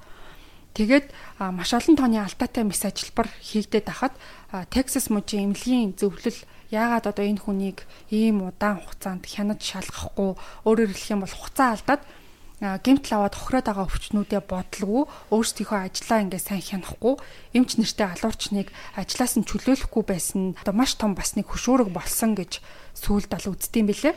Тийм тэгээ энэ дээр бас нэг тайлбар байсан. Энэ бол яг им удаан хагалгаа их боломж олгосны ер нь Baylor Plano имлэгэл гэж үздэг юм байлээ. Хамгийн анхных нь тий хамгийн анхны ажилд орсон имлэг нь. Яагаад тэгэхээр одоо э, medical board-д ингээд ямар нэг энэ юмж алдаатай ажиллаж ийн гэсэн гомдол ирүүл ингээд амар нухацтай шалгаж үздэг. Тэр ингээд тэгээд investigation явуулдаг те мөртлөг явуулдаг. Тэр нь ингээд жил 2 жил амар удаан үргэлжилдэг. Яг ийм болоод байна уу гэл ингээд амар чухалчилж авч үздэг. Тий. Ингээд хин ч ингээд ямар ямар ч эмчийг ингээд одоо буруутгаж олон те. Тэгээд ингээд нэг эмчийн амьдралыг сүрүүлчихгүй тулд ингээд амар нухацтай авч үлддэг. Тэгээд яг энэ үед бол нөө бордод бол өөр бусад эмчнэр яг ганцхан Хендерсон хийн эмч, Керби эмч хоёр биш ингээд бусад хамт ажиллаж исэн эмчнэр нь ч гэсэн ер нь гомдол мэдүүлээдсэн байгаа. Тэгээд ингээд зүгээр эмчнэр ингээд хамт ажиллахсан мэдүүлэхэд бол ингээд одоо тэдний гар бол ингээ хүлээтэй яг юм удаанаараа л ажиллана. Хэрвээ одоо Baylor Plano одоо ингээд байгууллага ингээд тэр тэр хүнийг ажлаас халаад ингээ мэдгдсэн бол ингээд бүх юм айгу хурдан явагдах байсан. Тэгээд дараа нь тий одоо бусад подкастууд дээр тэгж ярьж исэн. Ахаа. За тэгээд энэ Christopher Dunch бол угаасаа бүх юмнууд нь ингээд нотлогдоод батлагдаад хүмүүс ч гэсэн ерөнхийдөө мэдээлэл хүсний үүдэн дээр угаасаа шүүхтэр дуудагдах болж байгаа шүү дээ. Тэгэнгүүт ингээд өмгөөлөгчөөр нь болохоор Melinda Lehman гэдэг эмэгтэй хүн байсан байгаа байхгүй юу? Тэгээ энэ өмгөөлөгч нь одоо хүртэл энэ данчийн хийсэн хэргийг нь хараад баг одоо яаж өмгөөлөхөө ерөөсөй ойлгохгүйсэн гэсэн. Тэгээ өмгөөлүүлж байгаа хүн нь одоо Америк даяар алуурч эмчгээд нэр зүүцэн түүхэндх одоо хамгийн аимшигтай харгас эмчгээд медиа даяар цолцсон ямар ч тач тухайн одоо Мелинда гэх өмгөөлөгч нь бол Кристофер Данчиг дунджаас доогуур чадвартай мис засалж дунджаас доогуур чадвартай эмч ер нь л анханасаа энэ хүн ангаах ухааны чиглэлээр суралцах нь маш буруу зүйл байсан гэдэгтээ хинч маргахгүй байсан бахаа гэж ярьсан байгаа. Тэгээд бас нөгөө бурууг нь яг багш нарт нь тоох гэж оролцсон. Өө тийм үү? Тий яг ингээд э, ягаад ингээ юм чадвар муутай хүнийг мис засалж олгоод ажиллах боломж олгосон ингээ баг э, юу диплом олгох ч юм энэ гэдэг. Яа. Ер нь бол гэхдээ ер нь байж болох бүхий бүхий л юма хэрэглээч гэсэн нөгөө эсрэг баг хитрхи хохирогчтой хитрхи баримттай болохоор нөгөөлийн баг бас яаж чадахгүй л байна л да. Тэг ингээд сүүлд нөгөө энэ докюментари дээр нь одоо энэ өмгөөлөгчний ярилцлага өгсөн байхгүй тэгсэн чинь бүр ингээд гээд инех гэж байгаа юм шиг бүр ингээд яг яаж ингэж үгээ эвлүүлэхээ ингээд мэдхгүй заа үгүй эвгүй байсан. За мөрдлөгийн багийнхан бол ер нь бол айгу олон хохирогчийн тоо хохирогчийн тоо айгу олон байгаа штэ тэр бүрийн тоогоор тэгээ тэдний шаналсан зовлон бүрийг одоо Кристоферийн эсрэг одоо ашиглаж ашиглахыг бол зорж исэн байгаа. Тэгээ цааш нь судлах тусмаа хүмүүсийн тоо нь бол нэмэгцээрээсэн. Эхний 16 хүнтэй тэд холбогдож цаашаа илүү олон байна гэдэг нь яг одоо хар дарсан зүүчиг байсан гэж ярьж исэн. Гэсэн ч одоо ихсэн ажлаа дуусгаж хууль хүчнийхэн одоо энэ бүхнийг нэг бүрчлэн шалгаж ажиллаж исэн эмнэлэг хохирогчдтой ч гэсэн одоо нэг бүрчлэн уулзаж бүх зүйлийг нь ил болгосноор түүнийг яллаж шүүх түүнд болоо насаараа шорон цух ялын дээд хэмжээг оноосон юм байна. За ямар ч тач э, хоёлаа бол гэмт хэрэгтэн алуурчныхын түүхийг базаад ойлгомжтой байхаар ярьлаа. За энэ хүн шоронд насаараа сууж хийсэн хэргийнхээ үйл бүрийг ухаарч тэндээ ялаа эдэлсэн явдлыг хохирогчдын зүгээс шудраг ёсыг тогтоож чадлаа гэж үзэж байгаа бол ярьж исэн. Ялангуяа амиа алдсан Келли Мартин гээд эмэгтэй гэр бүл нь хэдийгээр Кристофер одоо насаараа шорон цух ял авсан ч миний ээж одоо буцаад амьлахгүй гэхдээ л одоо шудраг ёсыг тогтоож чадлаа. Дараагийн хохирогч гарахаас ч сэргийлж шүүх үнэн зөвөөр дэнсэлж чадсанд баяртай байна гэж ярилцлага өгсөн байсан. За миний зүгээс нөгөө асуух юм байгаа байхгүй юу? Тэгэхээр мэдслийн үеэр одоо процессын талаар нь би асууя. За энэ хүн нөгөө яг миний ойлгож байгаа зөв буруу юу? Яг одоо нөгөө нэг э, юу гэж байгаа штэ spinal cord гэдэг. Spinal cord гэж бол нугасыг хэлээд байгаа. Одоо тархинаас одоо хүний хөл гарыг хөдөлгөхтэй доторх нөө эд эрхтэн системийг бүгдийг ингээ хянж байгаа мэдрэлүүд одоо тархинаас удирддаг одоо мэдрэлийн утсууд тахгүй. Тэд нэр явж байгаа одоо нугас нугасыг spinal cord гэж нэрлэдэг байгаа. Тэгээд нугас ингээд нэг гимтчүүл ер нь нөхөн төлчдөг. Тэгэл ер нь бол нугас гимтчүүл тэгээ хүзүүнд гимтүүл дөрөв мөч мдээгүй болно. Бүслэхийн гимтүүл хоёр хөл мдээгүй болно. Шест зад гарна гэдэг ч юм уу те. Тийм бол тэ.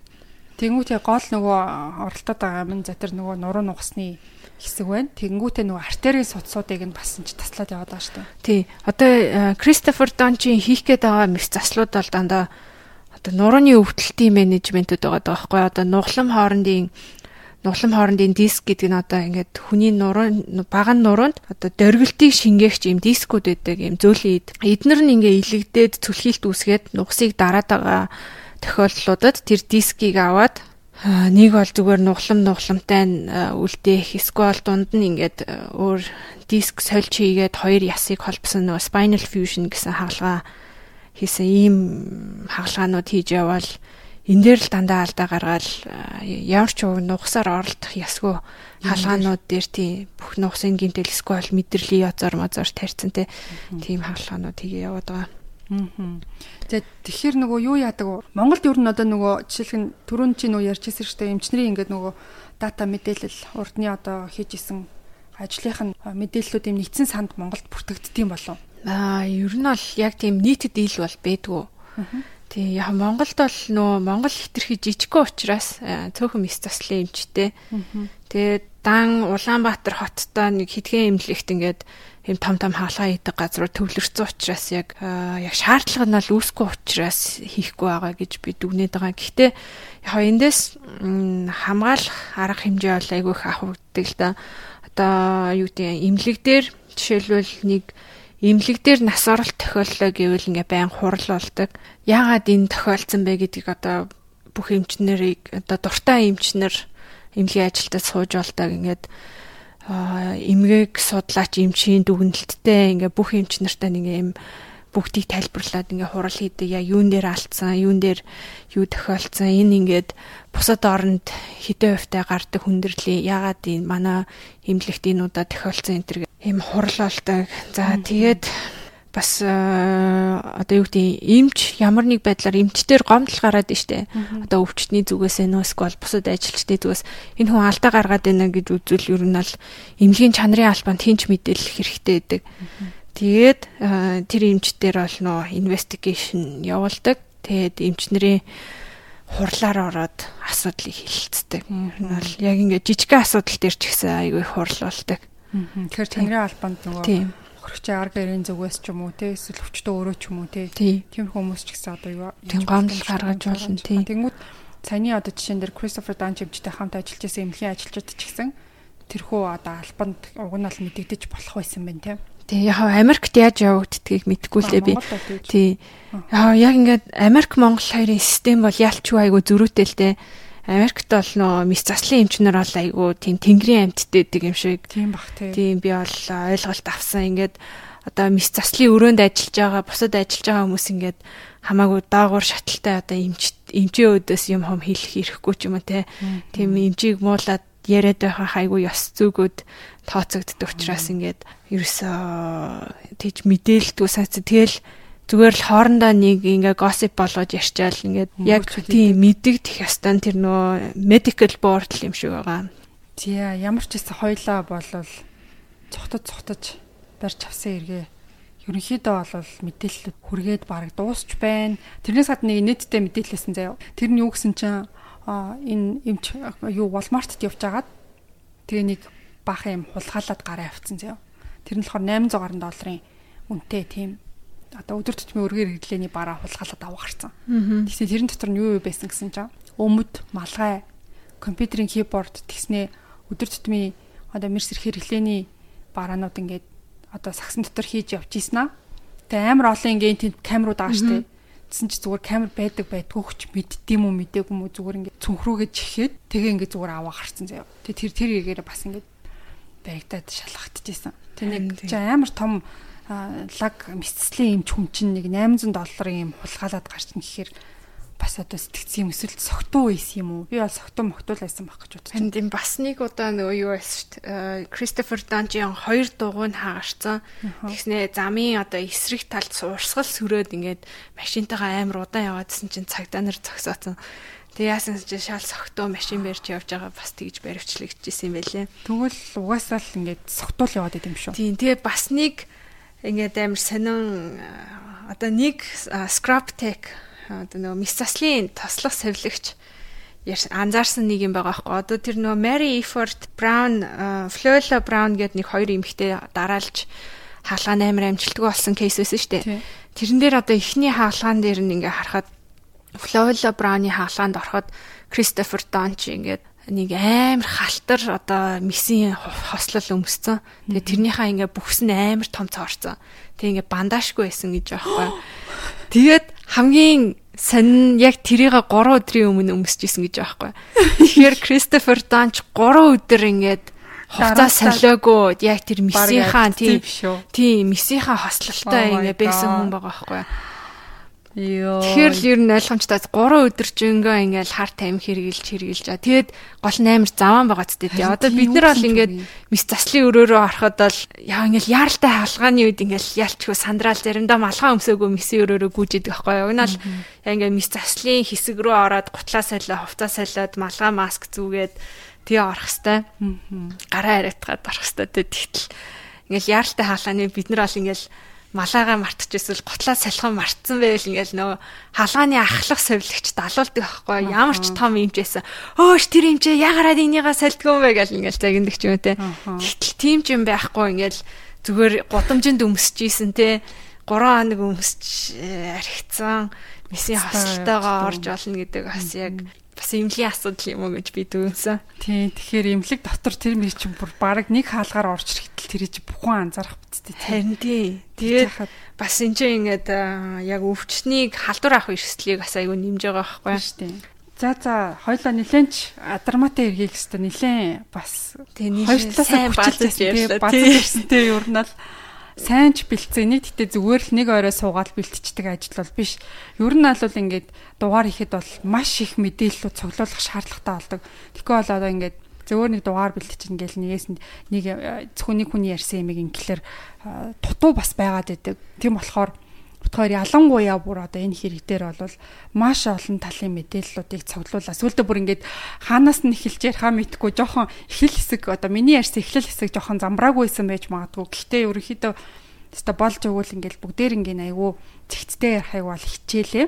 Тий, ялангуяа энэ ч одоо бараг 30 эдэ хохирогчтой кейстэй. Тэгээд энийг ярьж байгаа подкаст бол ингээд 6 ангитай 6 хэсэг тийм цагийн урттай подкастууд байгаа байхгүй тийм. Тэгээд киноч байгаа шүү дээ. Тийм. Тэгээд аа юу вэ бас нөгөө нэг сериал нь 10 ангитай тийм. Яг энийг ингээ бүтэн детальтай ярихад бол ингээ амар том сэдв байсан. Тэг нэг подкастэнд бас базаж ярьж чадсандаа их баяртай байна. Тий амар зориг гаргаж хийлээ. Ер нь зогтод зогтод явсны эцэст бол маш сонирхолтой дугаарыг та бүхэнд одоо Минжэт хоёр олцсон бүх мэдээллүүдээ нэгтгээд Минжээ манаас мэрэгжлийн хүний үднээс манай сонсогчдод бас зөвлөгөө өгөөд үр дүнтэй дугаар бол чадсан гэж бол бодож байна. Тэгэхээр магадгүй сонсогчдын маань ихэнх хувь нь би бол суудлын ажилтай нуруу нугасны асуудалтай байж магадгүй гэж бодож байна. Миний хувьд ч гэсэн ерөнхийдөө би нөгөө аягүй сууж юм хийдэг болохоор бол нуруу бол жоохон асуудал дагуулад идэг. Хойл яг нөгөө мэдрэлийн мэдсэл ялангуяа нөгөө ихэнх хүмүүс нөгөө нурууны агалханд ороод байгаа шүү дээ тийм хүмүүст нэг жоохон бас зөвлөгөө өнтер хүчих юм уу? Одоо нуруугаа яах ч юм уу те. Энд ч бас нэг яг хэдийгээр бид нэр даан чимчтэй таарлахгүй ч гэсэн. Даан чимчийн хохирогч бид нар болохоос өнгөрсөн ч гэсэн ер нь бол нөгөө энэ эмчтэр очиж байгаа хүмүүс маань дандаа л нөгөө нурууны асуудалтай болцсон те. Тэрийг шийдэж чадахгүй урдчлан арга хэмжээ авч чадахгүй хүндрүүлсэн байдалд мэдслийн одоо заалттай ингээд очиод байгаа хүмүүс учраас бидний дунд ч гэсэн нөгөө яг нурууны асуудалтай хүмүүс байж магадгүй гэд. Тэгээд хэлж авахгүй юу? Би нөгөө бас жоохон асуудалтай байдаг болохоор юу яаж байгаа нэрээ. За тэр хооронд нь би өөрийнхөө туршлагаас жоохон уулзчих тийм. Тэгээд би болохоор нөгөө йог хийж эхэлж байгаа. Тэгээд гудс аваад хамгийн одоо basic анхан шатны тийм дасгалуудыг хийж сурч байгаа. Тэгээд YouTube дээр болохоор нөгөө yoga for beginners гэдэг хайхан бол маш их бичлэг олдсон юм лээ. Тэгээд тэрнээс харж байгаа л ерөнхийдөө гэртээ дагаа хийчдэг. Тэгээд нэг хажуудаа нэг лаа асааж тавиад ч юм уу уцаа ингээд биенээсээ бүр холдуулаад тэгээ 50 хэсэг сууж амьсгалтаа ингээд анхаарахыг хичээж байгаа. Тэгээ сунгалтын засгалуудыг э, хийж өгснөр бол нурууны өвдөлт, миний өвдөлт ерөнхийдөө маш хурдан ингээд одоо өвдөлт нь багасаад үр дүн илтэнгээ мэддээд байгаа болохоор надад бол энэ аргууд их таалагцсан. За миний санаж байгаагаар бол ер нь бол нийт хүмүүсийн 3 үн тутмын нэг нь бол амьдралынхаа ямар нэг үед нурууны өвдөлттэй нүр толдог. Тийм. Тэгээд э, энэ бол ер нь бол нөгөө нэг суумгай ажил, суугаа ажил эрхэлдэг хөдөлгөөний дутагдал амьдралын хэв маягтай айгүй холбоотой. Тэгээд бид нар бол ингээд суугаа ажил эрхэлж байгаа яг нэг байралтаа л өдөржингөө суучдаг те. Бас нэг хүмүүсийн боддог юм ингээд амар сайн цих ингээд өдөржингөө суугаад байвал нуруу ерөөсөө өвддөггүй гэж боддог. Тэгтэл яа эсэргээрээ яг ингээд байнга цих позишнд байх нь ингээд булчин чангалал яг нэг байралд байлгаад байгаа нь бас нэг төрлийн ачаал өгж байгаа. Хөш хөшнө гэсэн үг шүү дээ баг. Тийм тэгээд бас яг энэ байнга цих байж байгаа хүмүүс нөө хүзүүний оо дискний асуудал гарах тохиолдол нь илүү их байд юм байлээ. За тэгээд илүүдэлжин бол энэ дискний асуудалд маш их нөлөөлдөг. Тэгэхээр юу яах одоо энэс сэргийл хамгийн зөв арга бол ингээ нэг байрлалд удаан байхгүй бах те ажиллаа хийж чад дундуур нь цаг ажиллаж дундуур нь босч нэг хөнгөн дасгал хийх, байрлалаа өөрчлөх.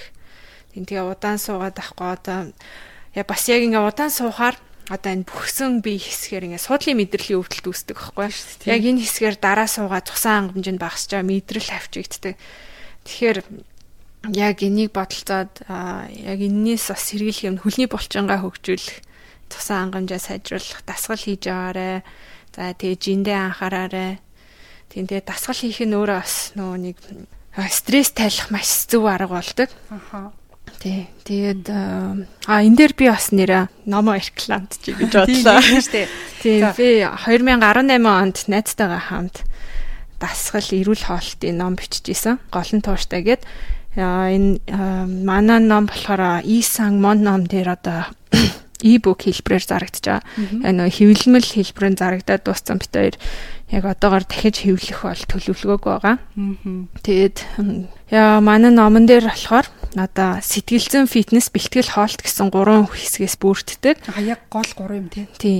Одоо яг хүмүүс ал ингээл амар урам зоригтой хэлдэгтэй одоо л яг гоё дасгал хийгээл ирүүл хоол. Тэгээд яг ингээл урам зоригтой эхлээл яг удаан хугацаанд үр дүнгээ хадгалж чаддгаа. Эсвэл нөгөө нэг хитрхи экстрим одоо нөгөө нэг амьдралын хэв маягт нэг тохиромжгүй арга эхэлснээс болоод дундаас нь амар хаях шаардлага гардаг. Одоо яг ялангуяа миний их ажигласнаар эмгтээчүүд болно шинэ жил зориулж турхгаал ингээл хоолоосоо гал эхэлдэг те яг ингээд хүн хоолоосоо яг үндэ тийм удаан удаан хугацаанд сойж чадахгүй. Ер нь аль нэг 14 хоног сайвал өвчилж эхлээл ингээл а одоо ханиад мэнэ түрэл тэгэл алдагдал буцаал таргалдаг юм болдог. Тэгэхээр бас энэ арга нь бас одоо хүний бодис солилцоог айгүй гимтэж идэг. Тэгэхээр номон дээр ер нь аль сэтгэл зүйн фитнес хэсэг дээр ингээд яаж тууштай байх? Одоо яг сэтгэл зүгээр хэрхэн бэлэн байж дараад нь одоо яг тий? Үр дүнд хүрэх үү тий.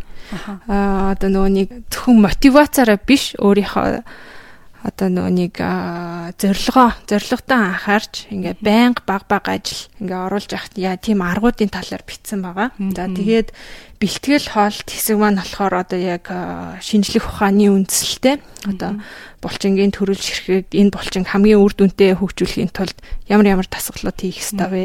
Давталт оролт одоо жин энтринал ингээд яг тохируулаад ямар ямар булчинд яаж хийх ёстойг нь оруулсан хэсэг байгаа. За тэгээ хоолт нь болохоор одоо ямар ямар төрлийн дайетууд эдгтээ аль нь хинт тохиромжтой юм. Тэгээ яг бит хоёрын санал болгодог нь болохоор уян хатан хоолт тийг бит хоёр одоо санал болгосон байгаа. Одоо яг хүн өөрийнхөө амьдралын хэв маягт харуулад хүссэн хоолоо идэж болно. Гэхдээ нэг ясандаа одоо энэ номыг уншнаар өөрийнхөө амьдралын хэв маягт ингээ удаан хугацаанд хадгалж болох эрүүл амьдралын хэв маягаа олоход тохирсон бүх одоо scientific одоо шинжлэх ухааны үндсэлтэй мэдээллийг бол оруулах гэж хичээсэн нөө байгаа. Тэгээ сонирхоод үзээрэй гэж зөвлөмөр байна. Тэгээд би нөгөө линкийг нь бол description хэсэгт оруулъя. Тэгээд энэ номыг болохоор би мэрэгжлийн эмт хүн бичсэн. А тэгээ нөгөө найз нь юу лээ? Аа манай найз яг үндсэн мэрэгжил нь ягтлан тэгээд бодибилдингийн тамирчин.